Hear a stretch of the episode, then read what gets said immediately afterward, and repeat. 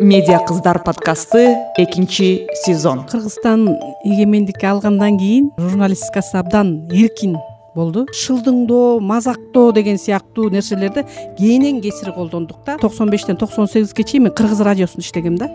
Кыскаруу болуп мени эшикке сүрүп чыгарышты баарысы эң тиражы көп бизден пайшамба болуп чыкпады анан ошол кезден баштап сотко берүү деген өнөкөт башталды. Акаевдин учурунда бакиевдин учурунда деле сөз эркиндиги жок деп биз айта берчүбүз. Азыр салыштырып көрсөм ошол кезде сөз эркиндиги болуптур азыр жок болуп баратпайбы сөз эркиндиги. Азыр деле журналисттер уйдун бөйрөгүндөй болуп бөлүнүп турат. Эл масса каякка койсо сен ошол жака ооп атсаң анда сен ошол масса менен эле кете бер да. Анда журналистиканы таштап эле коюш керек да.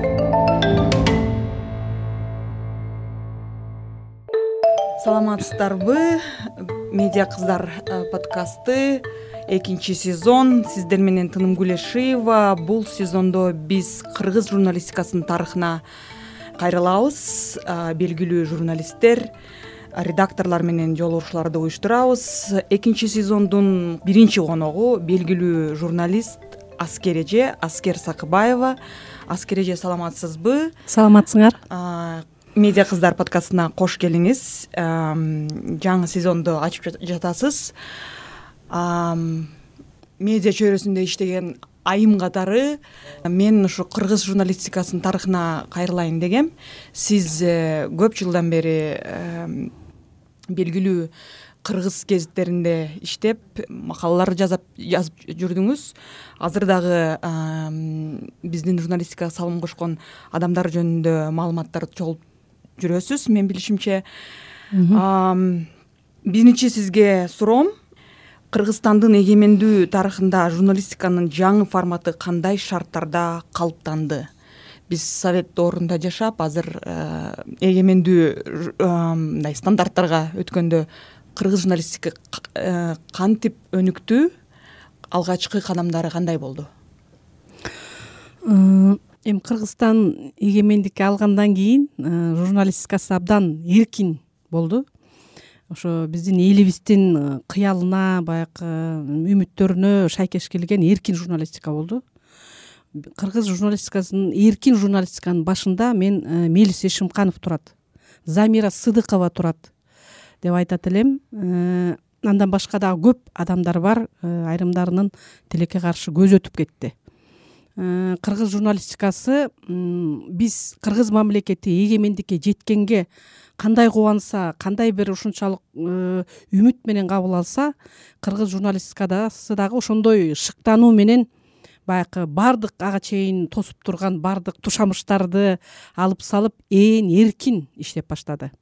Ачыгын айтыш керек ал кезде э, эл аралык журналистиканын стандарттары деген түшүнүктүү балким э, европага башка өлкөлөргө анча мынча каттап калгандар укса керек. Бирок биз ал кезде э, эл аралык стандартты кармабай эле кыргызча стандарттарды эркин стандарттарды кармап иштедик.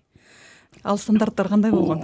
Э, ал стандарттар жетимиш жыл бою советтер союзунун төрт тарабынан тең кысылып турган бир мындай тартипке баш ийген өтө кургак өтө бир мындай бир мындай адамдын көңүлүнө же сезимине тийбей турган кургак журналистикадан кутулуп Э, мындай э, сезимге таасир эте турган э, анан кийин баягы биздин элибиздин мүнөзүнө жараша тамаша аския ушундай нерселерди шылдыңдоо мазактоо деген сыяктуу нерселерди кенен кесир колдондук да. Аны сөз менен да колдондук биз сүрөт менен карикатура коллаждарды жасоо менен дагы абдан кенен кесир колдондук. Мен бир миң тогуз жүз токсон сегизинчи жылдын жаз айынан тарта асабага келдим. Эми мен ал кезде келип калганым деле кокус болуп калды. Мен ал кезде ага чейин токсон бештен токсон сегизге чейин мен кыргыз радиосунда иштегем да анан э, кыргыз радиосунда ошол кезде кыскаруу болуп мен жаңы баргам университетти бүтүпчү.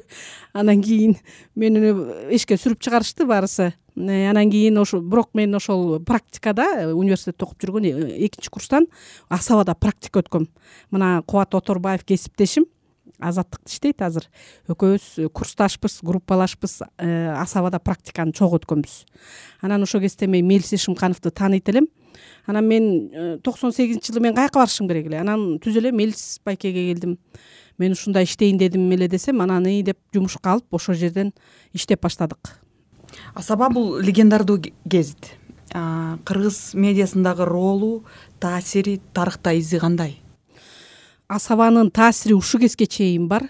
Э, себеби асаба ушундай бир э, баягы көкөлөп көккө чыккан себеби баардык ага чейин кыргыз коомунда кандайдыр бир жабык же болбосо көп көңүл бурулбаган темаларга чейин козгоп баягы элдин көңүлүндөгү нерсени таба билгендиктен мындай аттын кашкасындай бөлүнүп чыкты да. э, асабадан башка ал кезде дагы кыргыз руху аалам э, жана башка бир мындай көп гезиттер чыккан айрыкча. Абдан көп да эми азыр баары эсимде жок. Гезиттин эрасы болгон. Гезит заманы башталып аткан кез эле да ал кезде анан ошолордон бөлүнүп көккө бөлүнүп чыкты. Себеби э, биринчи кезекте баягы мелис эшимканов баягы кесипкөй журналист анан өзү туюму күчтүү өзү авантюрага жакын киши болгондуктан ал ошол кездеги саясаттын да илебин шамалын кайда баратканын каяка багыт алып баратканын эркиндик деген эмне экендигин абдан жакшы билген да. Анан саясат аркылуу саясатчыларга таасир этүү аркылуу ganакей баягы гезитти да көтөрө алаарын э, эл дагы ошого мындай абдан маани берерин билип ошол жака буруп анан кийин асабаны элден бөлүп көтөрүп чыкты анан анын таасири ушул кезге чейин келеатат деген себеби мындай да. Кийин асаба жабылды агым чыкты жаңы агым болду. Анан кийин ошол эки миңинчи жылдардан баштап э, дагы эле ошо гезиттин эрасы уланып андан кийин башка абдан көп гезиттер чыкты. Ошол эле асабанын э, агымдын редакциясында тарбияланып өскөн балдар ар бири өз өзүнчө гезит ачып иштешти анан ошол гезиттерде ошол асабадан үйрөнгөн ошол жазуу жазганды тууроо ошол стилди тууроо асабанын ошол гезиттерде мындай уланып келеатат да айрым гезиттер ушул кезге чейин чыгып атат. Бар азыр деле. Ушу коллективди эми көп иштеп калдыңыз. Э, сүрөттөп берсеңиз кандай маданияты кандай болгон иш күнү кандай болгон журналисттер кандай дем менен иштешчү ооба эми бул э, айтып отурса укмуштай бир э, мен ушул өмүрүмө ыраазы болом. Ушунчалык бир өзүм билип билбей ушундай бир адамдар менен аралашып иштептирбиз эми бир ошо эркин журналистиканын тарыхынан башаттык экен да. Биздин редакцияда баш аягы бир элүүгө жакын киши адам иштеген. Э, ал университетти жаңы бүтүп келген жаштардан тартып ошол кезде абдан атактуу белгилүү адамдар мисалы кыргыз эл акыны шайлообек дүйшеев раматтылык алым токтомушов э, түгөлбай казаков баратбай аракеев үсен касыбеков э, мына азыр э, биздин сыймыктуу биздин жердешибиз чолпон орозобекова жылдыз мусабекова карамат токтобаева жолдошбек зарлыкбеков мамат сабыров сүйүн курманова ушундай ушундай дагы көп аттарын зайырбек ажыматов раматтылык ушундай ушундай э, замира кожобаева көп адамдар иштеген да абдан көп. Эрнст эшимканов көзү өтүп кетти раматтылык карачы ушинтип айтып калбадыкпы раматтылык деп калдык да ушуларды анан э, биздин иш күнүбүз ушундай башталчу. Планерка летучка дегенде биз мындай бир ушундай бир эмеге бараткандай даярданчубуз да себеби эшикке чыкканда сен жакшы тең туш жакшы дос мындай мамилең кете берет. Ал эми ишке келгенде мисалы сен материалды жакшы жаздыңбы же жаман жаздыңбы дегенде анда эч кимде аябы жок болчу. Анан баягы агын ак карасын кара деп даана айтып кемчиликти э, ушундай бир ачык айтылчу эле да. Анан э, мелис байкенин идеясы төгүлүп турган киши болчу гезиттин бир номурунда бир эле жакшы материал ошону көтөрүп коет деп айтылат негизичи а бирок ал жок андай жакшы турса жок дагы бир нерсе жасаш керек деп эле ушинтип эле идеяларды кубалап турчу канткенде жакшы кылабыз? Анан биз дайыма ушул идеялардын үстүндө сүйлөшчүбүз. Анан гезиттин биринчи бетине кандай коллажды алып чыгабыз? Эмне материал чыгат деген бул эң чоң маселе болчу.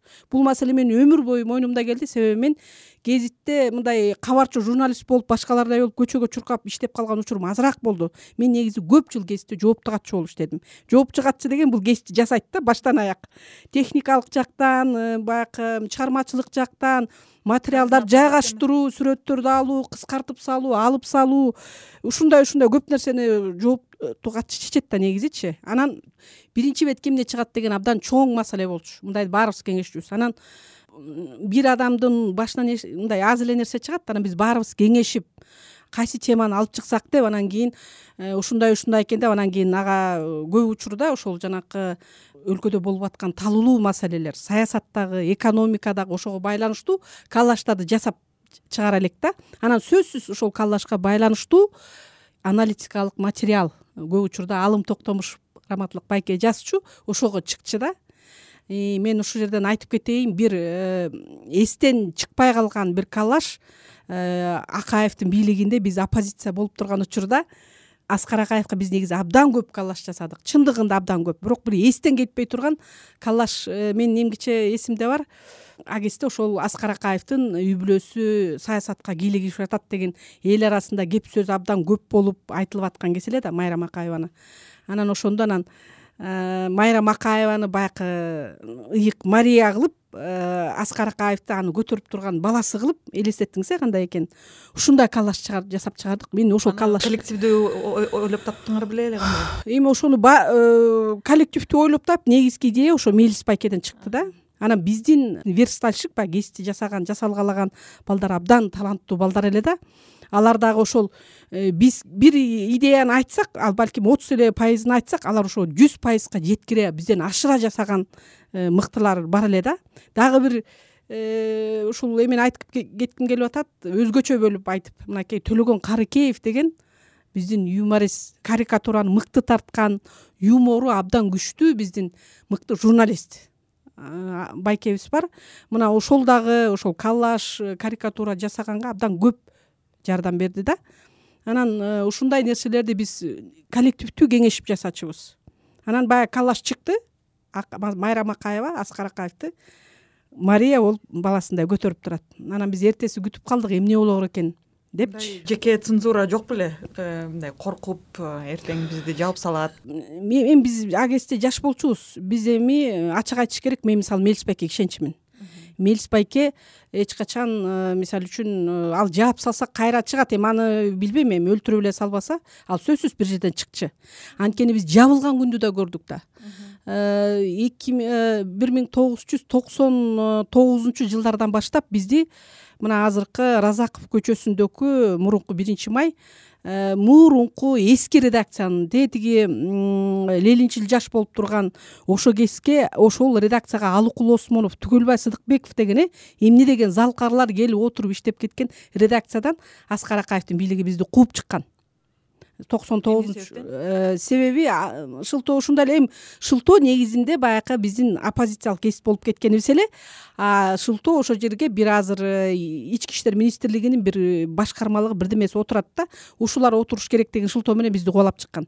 Биз ошондо эки жума редакция мындай чын ачык сөздүн ачыгында биз көчөдө калганбыз. Көчөдө калганда элүү киши көчөдө калдык. Анан э, мелис байке ошондо өзүнүн үйүнө алып келип биз анын үйүн редакция кылдык. Э, отургуч стол эми үй бүлөдө жетпейт да биз канча кишибиз жетпейт. Тизеге коюп алып кагазды коюп алып астына китепти коюп алып ушундай макала жазган күндөр болду. Анан ошол кезден баштап э, сотко берүү деген өнөкөт башталды. Гезитти ошол эле кезде ошол кезде башталган жаңыданчы ошо сотторго көп барып гезиттин атынан барып калдым да. Анан сөзсүз эле көп учурунда биз утулчубуз соттон. Э, эми бийликтин колунда турса соттордун баары биз утулабыз да. Ушундай учур болду. Анан э, биз баарыбыз бир кишидей ушундай биримдиктүү болуп баардык нерсени чогуу талкуулап абдан иштедик да. Анан мелис байкенин жакшы жери ошо мындай бизге э, бир кишинин башына түшкөн бир жаман иш же кайгы же бир жакынын жоготсо ошону баарыбыз бир кишидей жардам берчүбүз ошону ачык айтып жардам керекпи эмне ушундай кылчубуз да. Анан э, эми баягы кечке эле жазып иштей бергенде негизи адамчы моундай ташыркап мындай өзүнөн жакшы сөз таппай өзүнүн эмесин жоготуп калат да. Андай нерсени дагы коллективдеги атмосфераны билип көтөргөндү жакшы билчү. Э, тоого алып барып эс алдыруу же болбосо жаңы жылда биз баягы ал кезде азыр момундай жайнаган кафе жок болчу ал кезде биз жана сүрөттөрдү байкасаң э, биз редакциянын ичинде эле столдорду жазган отуруп эле тизип эле жаңы жыл майрамды ошондой эле тосчубуз да. Базарга барып салат сатып келип лепешка сатып келип эле ошентип эле тосчубуз да. Анан ошол кезде жанакы э, асылбек өзүбеков баштаган туңгуч театрлын артисттерин алып келип бизде ойноп күлүп ошол жерден ырдап дегендейчи баягы бугубузду чыгарып ошондой ушундай нерселерди да чогуу алып жүрчү да. Асаба жумасына эки жолу чыгат. Экинчи бешинчи күндөрү экинчи күнү жукараак бешинчи күнү барактар көбүрөөк. Ошол эки миңинчи жылдардан баштап бизде пайшамба анан джунгли закону Э, дагы ош прим э, полосатый полоса дагы көп да. Ушундай бир он чакты тиркемелерди кошо чыгардык. Тиркемелер болгондо асаба өзүнчө а тиги тиркемелерди ошо асабанын ичинде кошуп койчубуз кийин анан э, кийин аларды өзүнчө бөлүп чыкпадыкпы анан караганда эң тиражы көп бизден пайшамба болуп чыкпады элдерди кызыктырган и ал пайшамба эми белгилүү да. Ал тиги ушундай Э, жанакы ага чейин баягы кыргыз коомчулугунда өз ара ич ара э, сүйлөшкөн менен баягы коомго ачык чыкпаган интимдик жашоону анан э, интимдик жашоо дегенде кандай? Бизде биз анын баарын эле баягы мындай ачыркыча айтканда капкара кылып жазган жокпуз. Биз ошону мындай медициналык жагын ар кандай ооруларды эркектерге тиешелүү аялдарга тиешелүү ошону кантип алдын алыш керек? Ушундай бир Э, суроо жооп кылып ошолорго медиктерден жооп алып берип анан жанакы э, дүйнөдөгү атактуу адамдардын э, башынан өткөн ар кандай сүйүү окуяларын мисалы үчүн дөөлөрдүн махабаты деген рубрика коюп ушундай жазчубуз да эми ачыгын айтыш керек азыр. Ал гезитке мындай псевдоним коюп ошол асабада иштеген баардык адамдар жаш кара дебей баарыбыз эле жаздык чынын айтыш керек пайшамба деген бузук гезит экен элдин баарын бузуп атат деп атайын бир аксакалдар арызданышкан экен. Анан аны ктр аркылуу айттырып туруп анан пайшамба жабылып калды. Э, анын ордуна биз жуучу деген гезит чыгарып баштадык. Тираждары жогору эле алардыкы дагы анан асаба баягы саясат жагын күнүмдүк турмуш жагын. Анан ошол эле кезде менин эсимде и анан эки жума туруп биз асаба мелистин үйүндө анан мына азыркы москва көчөсүндөгү менимче азыр жанакы бир ресторан аты.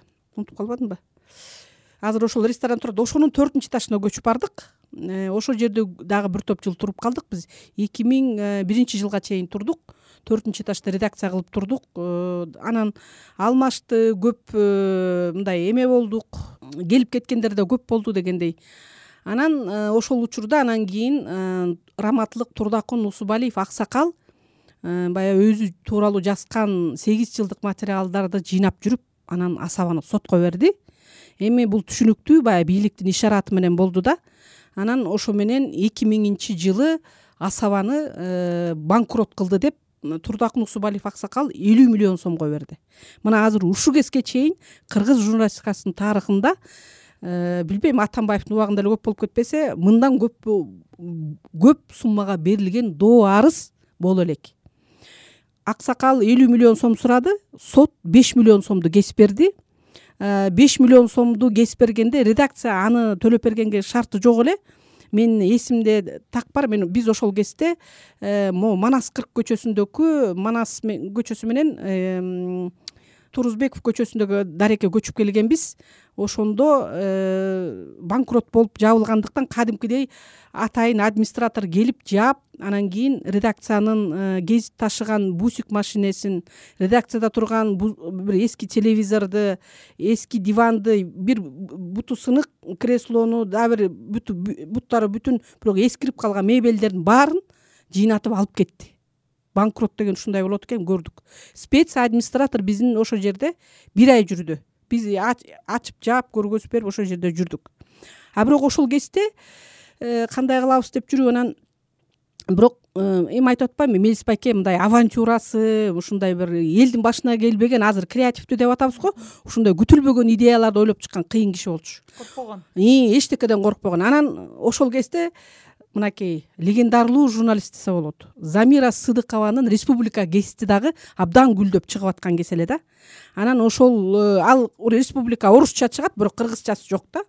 Анан кийин экөө замира эже менен мелис байке сүйлөшүп туруп республиканын кыргызчасын биз асабада эле дүпүлдөтүп эле чыгарып баштадык. Кадимкидей эле. Анан бирок э, ошол кези чыкпай калган учурда биз да иштебей калдык ар кандай да болду да анан эми адам деген адам да анан ошондо мелис байке ачык айтты да. Эгер силер э, кааласаңар мейли кетсеңер менде капачылык жок эми турмуш тиричилик бала чака үй бүлө да бар да багыш керек да. Бирок эгер каалабыз десеңер мурдакыдай эле ушул жерде калабыз деп анан баягы жанакы феникс деген куш болот эмеспи? Тиги жок болуп гүлгө айланып кетип эле анан кайра көтөрүлүп чыгат го түптүрүү болуп эле. Ошондой болуп эле биз кайра чыгып кеттик. Анан укпаган кеп сөздүн баарын уктук.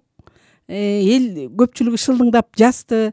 Тиги мына мелис алым токтомушев э, шайлообек дүйшеев ушулар ушулар уялбай ушинтип замира сыдыкованын этегине кирип кетти деп кирип кетти деп бизди шылдыңдап атышты да.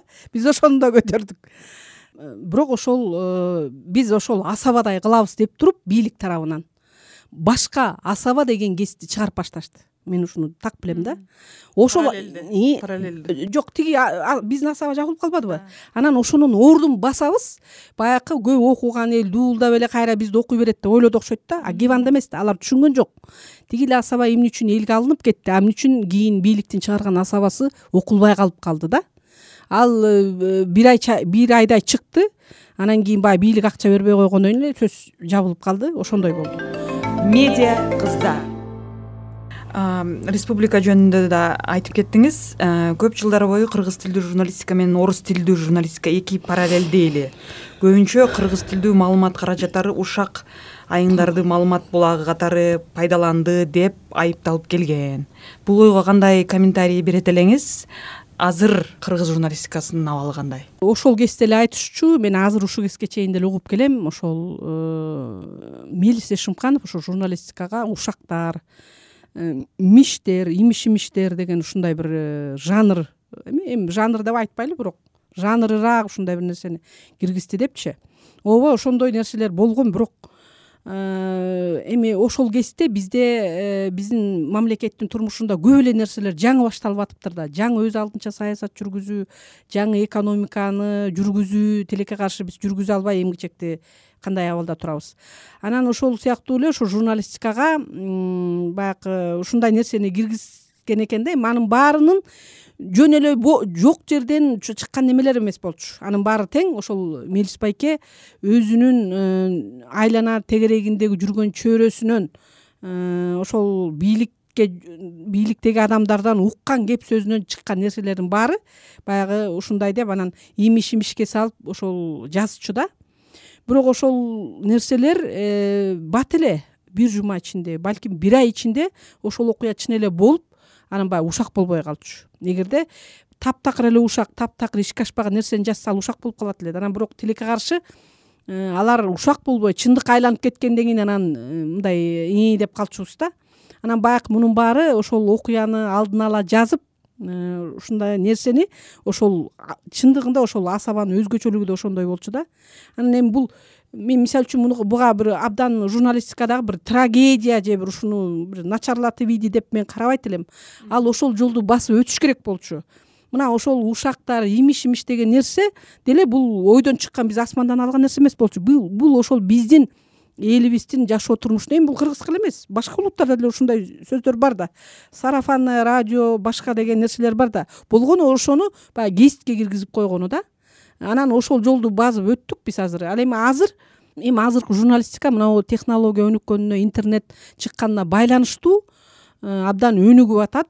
Э, бирок бирок тилекке каршы мен байкаганым могу алдыда турган монитор сыяктуу эле адамдын жүзү адамдын э, бети адамдын ким экендиги ошого жараша фамилиясы мындай жоголуп эле бир мындай эле бир мындай кургак эле жаңылыктар болуп баратат да.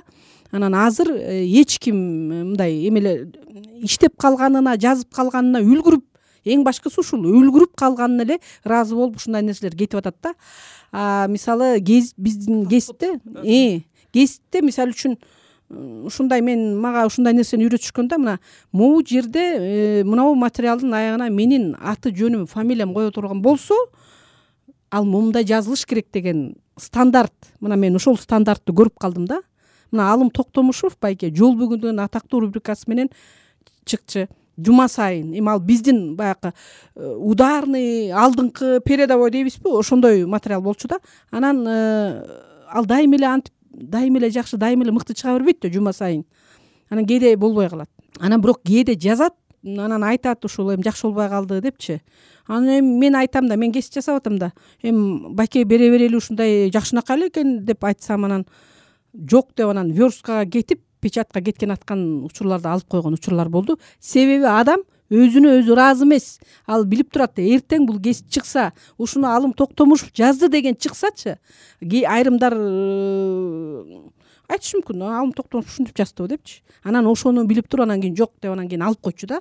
Бул мынакей ошол эң жогорку стандарт. Азыркы журналистикада ушундай адамдын э, мындай э, ким экендигин деңгээлин оюн момундай максатын билдирген нерселер азыраак болуп көбүнчөсү эле баягы техникага байланышып бир эле учурда текст кетип атса анан кайра бир э, отуз секундтук видеосу же сүрөтү же башка кошумча мына азыр шилтеме деп абдан популярдуу болуп атпайбы башка жака чыккан ошол тема тууралуу ошондой нерселерди кошуп ушундай бир мындайча айтканда бир винегрет кетип атат да эми азыркы талап ошондойдур балким. Бирок э, баягы э, өзүңдүн ким экениңди жоготуп атышат анан мен журналисттерге айтат элем ошо өзүнүн стилин иштеп чыгуу. Өзүнө гана таандык стилди жазуу стили. Анан э, айрыкча кыргызча жазгандар ушуну жоготуп атышат да. Мен бирок азыр эң жакшы учур келди. Азыр биз билинбеген менен мынабу кыргыз тилдүү контентке кыргыз тилдүү маалыматка кыргыз тилдүү материалдарга муктаждык абдан өсүп атат мен айтат элем азыркы журналисттер ушуга абдан басым жасап анан жакшы окуп э, окуганда кандай могу журналистиканын тарыхын анан кыргыз адабиятын мыкты окуп анан ошо кыргыз тилин пайдалануунун колдоно билүүнүн аны дагы ошо журналистикага алып келе билүүнүн момундай э, жолун таап алып өзүнүн стилин өзүнүн фамилиясы коюла турган нерсени мындай өзүнүн ким экендигин да журналист катары портретин иштеп чыкса жакшы болот деп айтаар элем. Кыргызстанда сөз эркиндиги үчүн күрөш уланып жатабы? Сиз мурунку мезгилде соттор жөнүндө айтып кеттиңиз. Азыр да бизде журналисттер соттолуп кээ бир кчмкалар жабылып жатат. Мурда кандай болчу? Азыр бийлик кандай ыкмаларды колдонуп жатат? Азыркы учурга салыштырганда биз илгери деле ошол акаевдин учурунда бакиевдин учурунда деле сөз эркиндиги жок деп биз айта берчүбүз азыр салыштырып көрсөм ошол кезде сөз эркиндиги болуптур азыр жок болуп баратпайбы сөз эркиндиги. Э, анан соттошууларда ошол соттошуу э, бизде мурда э, бул деген токсон экинчи жылдар болуш керек эле. Токсон эки токсон беш балким замира эже өзү жакшы билет. Эң биринчи ошо журналисттен дастан сарыгулов замира сыдыкованы сотко берген. Атактуу сүрөтү эсиңерде болсо керек. Э, замира сыдыкованы колунун аркасына алып алып эки милиция айдап баратат. Ушулдай сүрөт чыкканда ошол биринчи замира сыдыкованы соттошкон ошол кезде. Андан кийин анан э, бизге э, ошол ак үйдүн шилтемеси менен көп чиновниктер бизди сотко берди абдан. Анан ачыгын айтыш керек ушул биз жана эркин ээн эркин иштеп баштагандыктын жоопкерчилигин ошол учурда дайыма эле сезе берген сезе бербегендиктен биз өзүбүз дагы мындай э, жөнөкөй эле карапайым адамдар менен соттошуп калган учурлар да болду. Муну моюнга алыш керек. Муну ачык айтыш керек. Себеби мен ошондой сотторго катыштым да.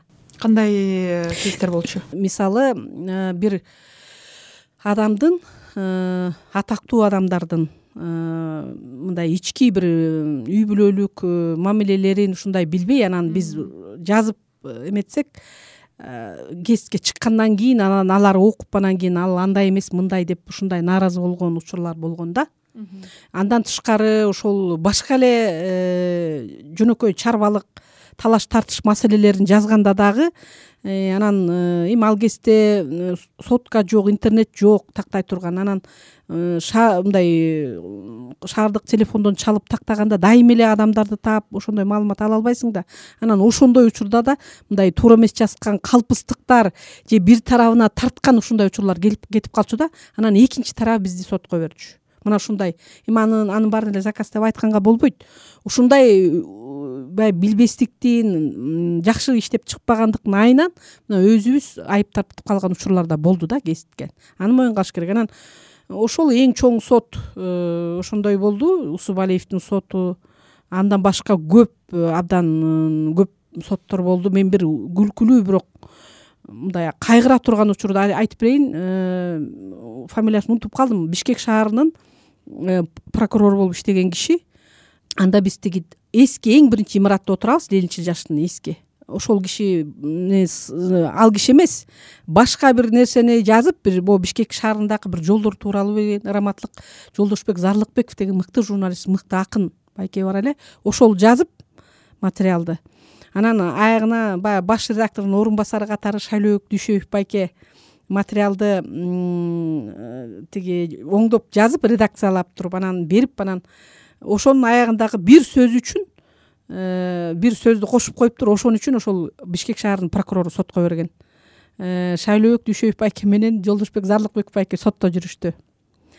Э, анан анан усубалиевдин сотунда редакция жанагынтип беш миллион сомго жыгылып банкрот болот. Анан ошол усубалиев тууралуу жазган адамдарга дагы сот өкүмү чыгып момунча акча төлөп берсин деп чечим чыккан мына ошолордун ичинде алым токтомуш бар болчу шайлообек дүйшөев жолдошбек зарлыкбеков бекташ шамшиев. Э, ушундай ушундай кишилер бар болчу да. Анан ошонун ичинен э, мен билгенден ошол шайлообек дүйшөев байке усубалиев үчүн деп бир жарым миң сом төлөп берген. Медиа кыздар мурунку ошо бийликтер э, канчалык деңгээлде ошол кезде журналисттерге атака мындай күчтүү болчу бүгүнкү азыр сиз көрүп жатасыз э, кечээ да биз э, журналисттердин тилектеш күнүн майрамдадык. Канчалык деңгээлде азыр журналисттик э, коомчулук төртүнчү бийлик катары күчтүү өзүн коргой алат өзүнүн укуктарын бербейт. Эми илгери ошол биз иштеп аткан учурда токсон бешинчи ошол эки миңинчи жылдарга чейин биз баарыбыз көрүп келгенде э, мындай оппозициялык анан позициялык деп бөлүнчү эле да журналистика.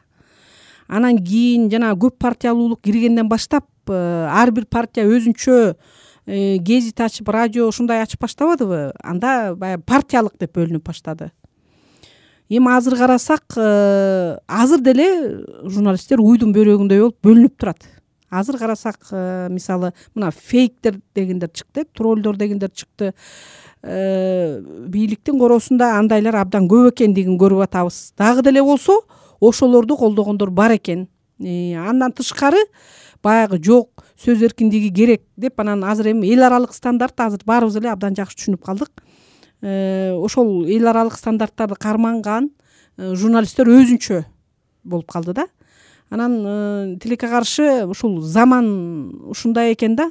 Анан эң эле э, мындай байкап турсаң э, бийликтин деңгээли кандай болсо негедир журналистика дагы ошондой болуп кетет экен. Эгерде бийликтин деңгээли жогору болсо мисалы кармашсаң да күрөшсөң дагы негедир деңгээл башкача кармашасың да. А эгерде бийликтин деңгээли анчалык болбосо ошого жараша тегерегине адамдарды жыйнайт экен коргогон колдогон чөйрө дагы ошого жараша болот экен. Дагы асаба агым жөнүндө айтып кетели редакцияда иштөө шарты канчалык ыңгайлуу болчу. Журналисттердин эмгек укуктары кандай сакталчу? Эми анан мындай бул коммерциялык гезит болчу. Ооба. Акчаны кандай тапчусуздар ошол кезде э, ошол кездеги башка маалымат каражаттарына салыштырганда биз акчаны жакшы тапчубуз. Э, ал жагына келгенде айтып атпаймынбы мелис байке редакцияны жакшы эле баккан. Э, акчаны иштегениңе жараша анан гонорар системасы мындай бизде ошол кезде айлык деген баягы номиналдуу эле бир белгилүү сумма болчу негизги айлык э, негизги биздин тапкан каражатыбыз гонорардан болчу. Жанакы гезиттер жана биздин тиркемелер алардын ар бирине ар бир чыккан нерсеге э, гонорар коюлчу. Анан кийин ушундай конкурс өткөрүп мына могу жумада кимдин материалы жакшы чыкты деп ага өзүнчө чоң байге мисалы бир чоң сумма коюп коет да ошол кезде он миң сом мисалы. Ал кезде эми жакшы акча эле да. Ушундай ушундай нерселерди коюп ошондой нерселер көп өтүп турчу анан редакцияда түзүлгөн шарт кандай эми ал кезде мындай болчу. Компьютер бизде э, наборщица оператор кыздар деген бар. Аларда анан верстальщик жасалгалоочу балдарда төрт төрт эки э, эки кыз наборщица анан эки бала верстальщик. Ошондой эле болчу. Калган адамдарда бизде компьютер жок болчу. Биз колго жазчубуз анан эки наборщица кызга элдин баары журналисттер келет. Меникин басып берчи? Меникин басып берчи? Компьютер жок. Андан кийин анан кийин могу эки миңинчи жылдардан тарта э, ошондон редакцияларга э, мындай э, ар кандай долбоорлор менен мен билем сорос фонду мисалы үчүн ушундай эме кылды. Биз асаба банкрот болуп толугу менен жанагынтип жабылды. Анан ошондо агым ачылды. Эки миң биринчи жылы он алтынчы ноябрда ачылды агым. Анан ошондо анан агымды толугу менен бизде техникалык камсыздоо кылып э, толук э, компьютердүк стол стулдардан бери жана бүт керектүү жабдуулардын баарын э, бизге коюп берген ошондой долбоор аркылуу коюп беришти. Анан кийин анан бара бара ошондо соткаларды көрдүк жана кирпич деп коебуз го. Сотка чыкканда мелис байке алып келип бизге көрсөтүп мына ушундай болот пейжер дегенди көрдүк азыр мен бир нерсе салыштырып кетейин. Биздин асабанын агымдын э, арткы бети эки же үч полоса пейжер деген чыкчу. Азыр ойлосом ошол эме экен э, whatsapp telegram э, тиги facebook баары биздики ошол жакта экен да ал мындай болчу. Бешинчи күнү саат ондон саат бирге чейин эки телефон коюлат ага элдин баары чалып эмне кааласа айтат. Бирөө бирөөнүн туулган күнү менен куттуктайт бирөө малы жоголуп кетсе аны айтат бирөө бирөөнү сөккүсү келсе сөгөт бирөөнү бир жака чакырат э, бирөө бирөө аласа болсо аны айтат. Анан саясатты ким жакпаса же тигиндей мындай бүт ошол ойлорунун баарын айтат.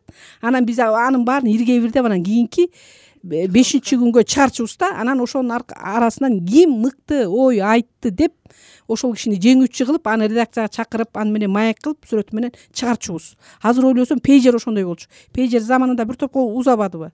Андан кийин анан сотка чыгып баштады.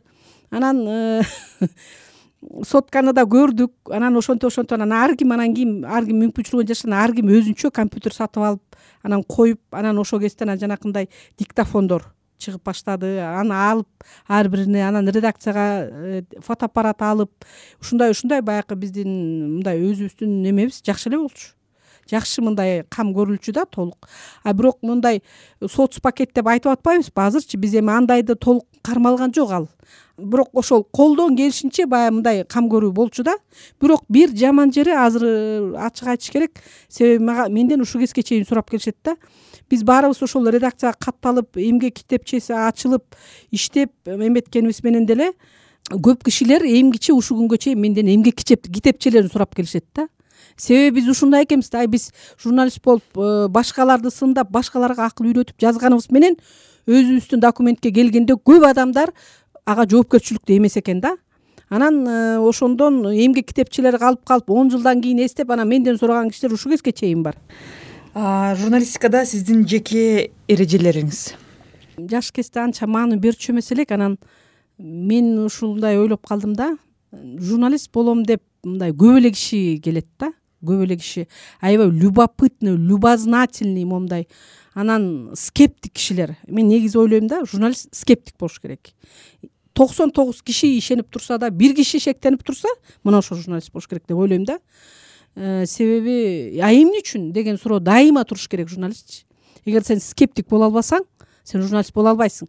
Эл масса каякка огосо сен ошол жака ооп атсаң анда сен ошол масса менен эле кете бер да. Анда журналистиканы таштап эле коюш керек да. Анан сен ушунчалык кыйын жазып мыкты жазып э, бир таап келип укмуштай кызык темаларды таап ушундай кылып турсаң деле бирок сенде адам катары момундай э, туруктуулук анан мындай кайраттуулук жүрөктүүлүк анан э, мындай өзүңдүн позицияңды коргой билүү болбосо канчалык кыйын журналист болсоң деле э, сынып калуу же болбосо бийликтин сындырып коюусу бат эле экен да мен ушуга көзүм жетти. Мен азыр ошон үчүн айтам да кээ бир журналист болом деген киши жүрөк болуш керек экен коркпогон.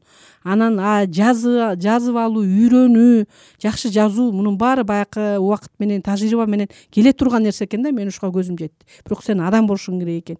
Биринчи эң башкысы сөз. Сөз эркиндиги деген анан кийин баягы элге пайдалуу маалымат жеткизүү керек. Бизде ошол да журналист эң башкы миссиясы ошол да. Маалымат жеткизүү.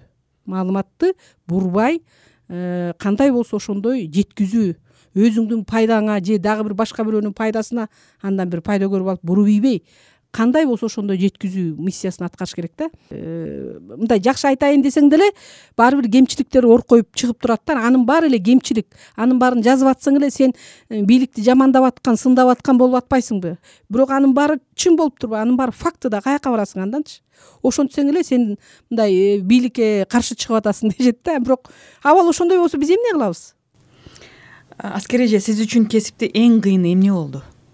Бир жолу эки миңинчи жылы эсимде дордой базарына тушташ аберон деген базар бар эле. Ошол жерде жарылуу болуп ал базар кубатбек байболовго тиешелүү болчу. Кубатбек байболов ал кезде мыйзам чыгаруу жыйынында депутат. Анан ошол жарылуу болгондон кийин бизге ошол аберон базарында иштеген э, адамдардын тобу кайрылуу кылып бизде шарт жок э, жол жок жарык жок. Бизге да ушундай шарт түзүлсө болот эле. Эгерде мындай шарт түзүлбөсө мындай жарылуулар боло бериши мүмкүн деген сыяктуу мындай э, фамилиялар эле жазылган ушундай кат чыгып кетет да. Бизде бомбей кат деген рубрикабыз бар болчу. Анан чыгып кетет дагы анан бешинчи күнү чыкты мен жумушка кире электе биздин редакцияга кубатбек байболов келип калыптыр. Гезитти окуп. Ким чыгарды муну деп. Анан гезитти мен жасагам да жоопту катчымын да анан мен чыгардым. Кат кана мына катты көрсөтөбүз. Анан болбой ал киши анан э, мени э, кгб деп коебуз го дзержин бульварында турган. Ошол жака суракка чакырып күндүзгү саат э, он экилерде кирдим эле мен. Анан кечки саат бешке чейин эч ким жок бир кабинетте. Мен азыр ойлосом булар мага моралдык басым көрсөтүшкөн экен басым кысым. Эми баягы ошончо отура берсе бирөө киргизип койду отуруп туруңуз болду келебиз дейт бүттү анан тиги эки сааттан кийин кабинетти ачып эшикти башып багып көрдүм эч ким жок залда. Анан саат беште келип беште э, үчөө келди бир үч менимче бир тергөөчүлөр ошо кгбнын. Анан ошондой ар кандай сурак суроо беришет э, менин э, үйүмдөгү телефон менен ким менен сүйлөшөм баскан турган бүт ушундай. Ушундай бир момундай атайын адамды момундай басмырлап басып сенин жеке жашооңо чейин кийлигишип анан баягы бербей турган суроолордон бери берип ушундай аябай басмырлап ушундай неме кылышкан да. Анан көрсө ошол э, ошол жарылууга ошол бизге чыккан материалга байланыштуу ушундай сурак болгон да мен жеке мен ушул э, эмгичекте ошол мага мындай эме кылат да. Азыр ойлоп көрсөм ошол мага ошол кгбнын тергөөчүлөрү ушундай басым кылышкан ошол кезде. Мен көп э, мыкты кишилер менен иштештим. Мен аябай сыймыктанам. Мына алым токтомушев деген ушул э, алым байкени мына эң мыкты кыргыз журналистикасынын эң бир мындай патриархы боло турган үлгү боло турган киши да. Анын мыктылыгы кандай эле ушунчалык мыкты жазгандыктан Э, бийликтин айласы кетип эмне кылаарын билбейт ар кандай э, мындай э, сотко берели десе бере албайт себеби кармай турган эчтекеси жок. Бирок ошол кишинин жаш кезинде бир башынан өткөн ушундай бир жаман окуясын козгоп кыргыз туусу гезитине чыгартышкан мынакей. Мындай азыр фейсбукта отуруп алып айтышып атпайбы? Илгери биз мындай болчубуз да асаба биякта отуруп алып кыргыз туусу биякта эркин тобу биякта ушинтип анан сандан санга айтышчубуз биз сандан санга булар бул санга жооп берет кийинки санда биз жооп беребиз. Ушундай болчу да. Э, ал тиги бийликте дагы анан тиякта да жазгандар да көп да. Э, осмон акун ибраимов мисалы үчүн дагы баягы ушу раматтылык өтүп кетти. Эсенбай калдаров деген байке бар эле эркин тоодо иштеген ошолор болуп сандан санга айтышабыз. Анан э, ктрдин ктро деген гезити бар болчу. Анда асан шыгаев деген бар болчу теледе иштеген анан сөзсүз жумасына бир жолу ошол ктробого эме кылып анан сөзсүз бизди шыбап кетчү да. Биз ушундай айтышчубуз илгери. Азыр фейсбук менен айтышып атпайбызбы? Ошо устаттарыңыздардан алган эң жакшы кеңешиңиз кандай? Балким алым токтомушевдон э, алым токтомушев мага э, материалдарды кандай иштеп кандай редакциялоону үйрөттү да көрсөттү. Биз он жыл мен жанында отурдум. Мындайча айтканда биз ийиндешип иштедик.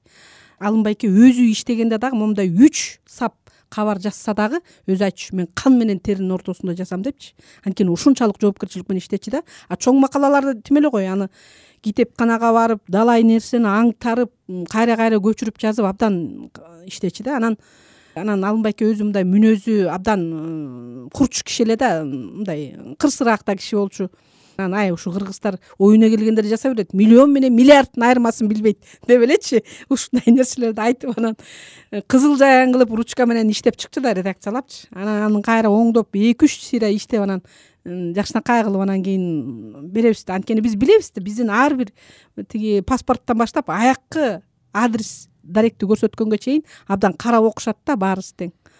И анан дагы бир эмени айтып кетейин бир кызык мелис байкенин авантюристтиги ушунда. Ушундай бир кызык нерселерди жасайт эле да. Майрамдарда жанагы биринчи апрель деген майрам барбы эми тамаша күнү деп коебузго ушундай нерсе бар го. Анан бир жолу биз ошол андай эски редакцияда отурганда асаба кезинде э, эме кылды. Анда жогорку кеңеш эки палатадан турат э, снп анан зс деп коебуз. Анан э, биз иштеп атабыз. Биринчи апрель болуп калды. Анан мелис байке биринчи ошондо чыгарган өзү жазып тиги ушундай жазып атат да. Эркинбек матыев деген депутат бар болчу раматылык өтүп кетти. Абсамат масалиевдин күйөө баласы болчу. Абсамат масалиев эмеде отурат а зста зст депутат исхак масалиев да депутат. А тиги эркинбек матыев өзү снпда депутат да. Фармация деген эмеси бар э, өзү илимдин доктору ушундай. Анан өзү узун бойлуу жаш абдан сымбаттуу анан депутат ушундай жигит да. Анан так ошол учурда азыр мына ассол молдокматова жаңыдан чыгып аткан жаш кыз. Ошо он жети он сегиздей кыз болуш керек жаңыдан журналистикага телевидениеге чыгып аткан болчу. Анан мелис байке бир күнү ошо биринчи апрель деген күнү эртеси биринчи апрелде чыккан атат да гезит анан ошондо анан жазды. Тиги э, эркинбек матыев ушинтип асол молдокматовага үйлөндү деп жазат астына жылдызча коет анан э, мерген турган деген ырчы э биздин валерий леонтьев жакшы ырчыбыз бар го ошол жаңы чыгып аябай жакшы ыры менен популярдуу болуп аткан гүлнара тойгонбаева деген ырчы мыкты. Жакшы чыгып аткан ырчылар да. Анан мерген турган менен гүлнара тойгонбаева үйлөндү деп жазып ошентип анан кийин астына жылдызча коет анан эң акырына жазып коет. Бул жерде жазылган макалалардын жообун тиги отуз экинчи беттен окуп аласыңар деп коет да бүттү. Гезит чыгып кетти. Эртеси бизге келе элек турсак редакциянын астына эркинбек матыев келиптир биз э, эми билбейм башкалар кандай кылып эле мушташып эле кириш керек беле анан. Ал абдан мындай э, мындай эме киши болчу. Анан мелис кечигип келди. Анан меке бул эмне кылганың деди. Гезит ушинтип менин үй бүлөм бар да тиги кайнатам чалып атат. Деп ушинтип айтты анан дегенде. Мелис байкем болчу. Ай эркин сен жигитсиң да эмне кыласың аны? Көтөрүп койду ал тамашада турбайбы аягында мына отуз экинчи бетте жазылып турбайбы? Ал деген биринчи апрелдеги тамаша деп турбайбы деп ошентип койду. Анан тиги э, ырчыларга кийинчерээк жетет окшойт ал кабарчы анан бешинчи күн болчу да. Биз э, түштөн кийин эле кетип калдык. Ошо эртерээк эле кетип калдык окшойт. Анан кечке маал ким келиптир? Гүлнара тойгонбаева келиптир. Баягы кабарды окупчу. Редакцияда бирөө калыптыр. Ошол бирөөнү келип аябай жинин андан чыгарып айтчунун баарын айтып анан кетиптир да ушундай анан кийинки санга биз анын баары баягы биринчи апрелдеги тамаша деп жаздык да. Ушундай нерселерди дагы мындай э, батынып ойлоп тапкан башка ал. Аны жасай билгендин өзүчү ким батынат эле ага. Ошондой нерселерди жазачу да. Анан баягы өзүнүн да бир берген интервьюсу бар. Чын эле ошондой болгон да. Анан мелис байке ошентип э, гезит чыгарганга редакцияга баягы төлөгөнгө акча таппай калып анан бир жолу тиги ким менен сүйлөшүп туруп запольский менен дело номурга интервью бербейби мен кийинки президенттикке мен чыккан атам ушундай ушундай депчи. Анан муну тигинтиш керек тигиндей кылыш керек оңдош керек деп анан аябай интервью берет да. Анан берип дело номурга чыгат. Чыккандан кийин эле анан кийин тиги баягы э, бийликке чуркап ара калчу кошоматчылар болот эмеспи ошолор келет. Меке мына деп мына деп анан өздөрү берип башташат акчанычы. Ушинтип ушундай жол менен да акча таап келген күндөрү болгон да эми бул дагы авантюризм да өзүнчөчү? Карап турсаң медиа кыздар абдан кызыктуу окуялар болгон экен. Кыргыз журналистикасынын тарыхында акыркы суроо биздин подкаст медиа кыздар деп аталат. Асабада агымда аялдардын аял журналисттердин ролу кандай болгон? Өзүңүз айым катары кандай баалап кетет элесиз и бүгүнкү күндөгү журналистикага аттанган айымдарга кеңешиңизди айтып кетсеңиз.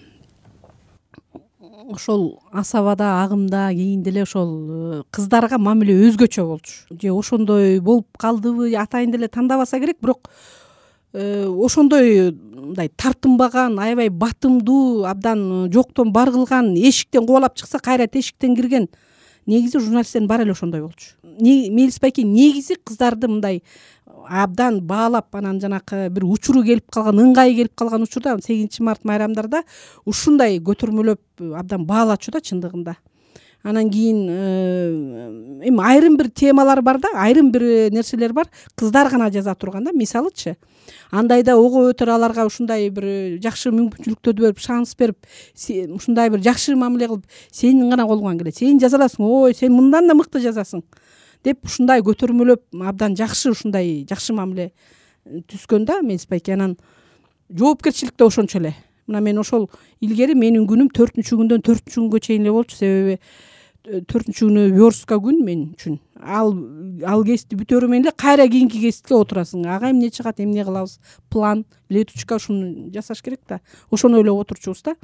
Эми азыркы журналист кыздарды айтсак мен абдан кубанам азыр абдан кубанам жакшы кыздар абдан сабаттуу э, мынабу технологияларды жакшы өздөштүргөн ошол эле учурда стандарттарды жакшы билген жакшы журналисттер өсүп келатат.